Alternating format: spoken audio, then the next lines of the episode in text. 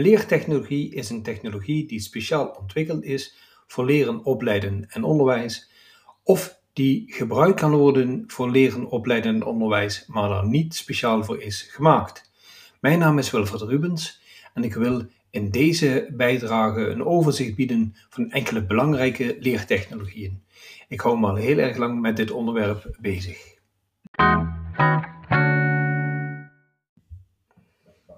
Allereerst het leermanagementsysteem en de digitale leeromgeving. Rond de eeuwwisseling nam de populariteit van het leermanagementsysteem sterk toe. Deze systemen hadden de ambitie om een groot scala aan leeractiviteiten te faciliteren. Met behulp van een LMS werden leermaterialen op een gestructureerde manier toegankelijk gemaakt, konden deelnemers en opleiders met elkaar communiceren en was het mogelijk om online en face-to-face leeractiviteiten te managen. Denk bijvoorbeeld aan het inschrijfproces rondom trainingen. Leveranciers van LMS'en hadden de ambitie alles in één systeem voor leren en ontwikkelen te realiseren. Deze ambitie is niet gerealiseerd.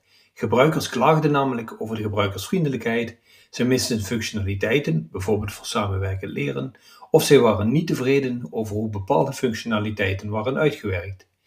Pleitbezorgers van werkwegleren hebben daarom regelmatig het naderende einde voorspeld van het leermanagementsysteem. In de praktijk blijken deze systemen echter nog springlevend te zijn. Sinds een jaar of tien is er wel meer aandacht voor de digitale leeromgeving als ecosysteem. Deze leeromgeving bestaat dan uit een samenhangend geheel van applicaties die kunnen worden gebruikt voor alle facetten van online en blended learning. Dankzij standaarden en specificaties worden deze applicaties dan met elkaar geïntegreerd, zodat gebruikers bijvoorbeeld maar één keer hoeven in te loggen en data tussen applicaties kunnen worden uitgewisseld. Het leermanagementsysteem vormt meestal wel nog de kern van deze digitale leeromgeving. Het Learning Experience Platform, oftewel LXP. Bij een Learning Experience Platform staat voornamelijk de gebruikerservaring, de user experience, centraal.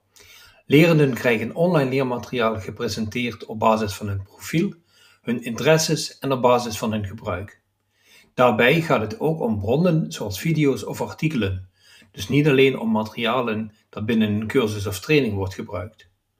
Een belangrijk doel van een leer, uh, Learning Experience platform is het vergroten van de betrokkenheid van lerenden. Lerenden kunnen materiaal bijvoorbeeld aanbevolen krijgen op basis van het gebruik door andere lerenden met een vergelijkbaar profiel. Daarnaast kunnen zij interacteren, zoals het geven van commentaar of het doen van aanbevelingen. Bij een LXP kunnen ook leerpaden worden samengesteld, ook door de lerende zelf. De lerende kan dikwijls ook zelf materiaal binnen een LXP met anderen delen. Een LXP bevat ook vaak spelelementen die ertoe moeten bijdragen dat lerenden gemotiveerd blijven een LXP te gebruiken. In de praktijk zie je dat leermanagementsystemen en uh, functionaliteiten van LXP's overnemen en omgekeerd. De twee typen systemen groeien dus in feite naar elkaar toe. Het zal echter nog wel een tijd duren voordat deze twee typen applicaties praktisch niet meer van elkaar te onderscheiden zijn.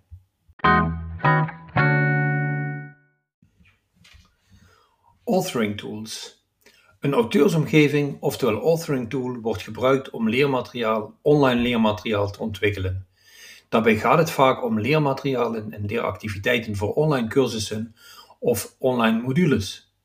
Daarbij binnen kun je multimedia gebruiken en ook leeractiviteiten zoals bijvoorbeeld een quiz.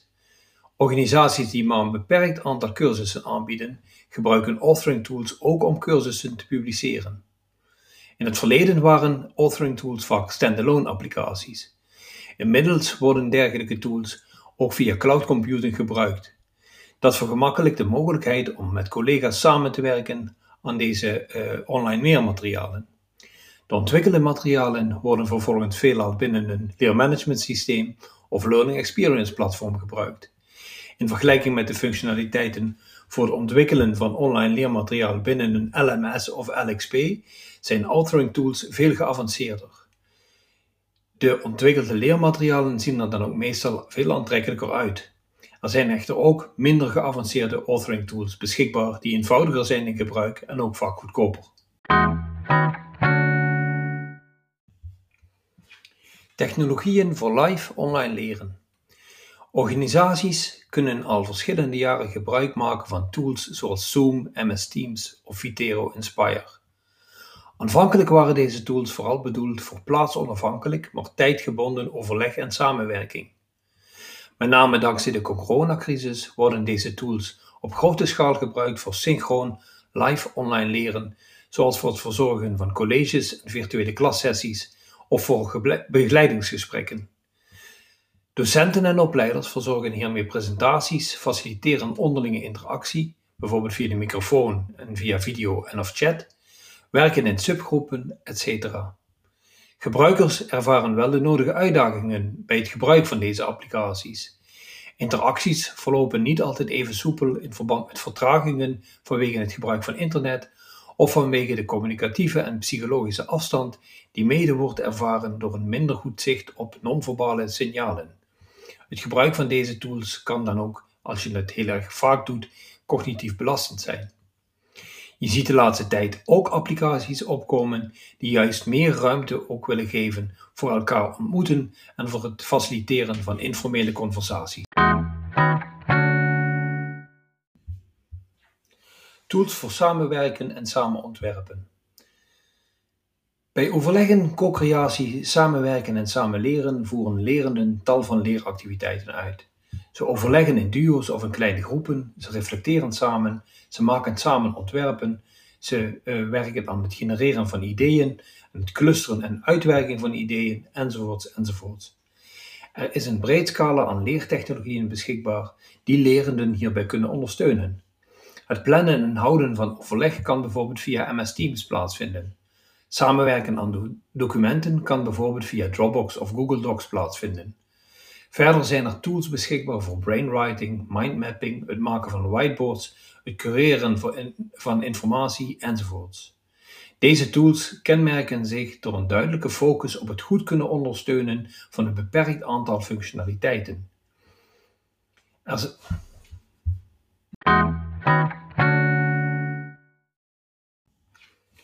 Tot zover een overzicht van een aantal uh, belangrijke typen tools die je kunt gebruiken voor leren, opleiden en onderwijs. Er zijn nog veel meer type leertechnologieën te onderscheiden. Ik heb het bijvoorbeeld niet gehad over toetsen en beoordelen, over performance support, over e-portfolio's, over virtual reality, over augmented reality, over online proctoring, over online video, over learning analytics enzovoorts. Het uh, is ook best wel een uitdaging om goede technologieën, te, leertechnologieën te selecteren en daarna natuurlijk te implementeren. Je zult hele duidelijke keuzes maken. Uh, je zult ook rekening moeten houden met zaken als kosten, maar bijvoorbeeld ook met zaken als uh, de privacy, hè, met de AVG bijvoorbeeld. Dat is een hele belangrijke wet in dit kader. Je mag niet zomaar leertechnologieën gebruiken je moet een verwerkersovereenkomst bijvoorbeeld hebben als persoonsgegevens worden verwerkt. Het is een uh, behoorlijke uitdaging dus om met leertechnologieën aan de slag te gaan, maar het is wel een belangrijke stap in het kader van het uh, invoeren van online en blended learning.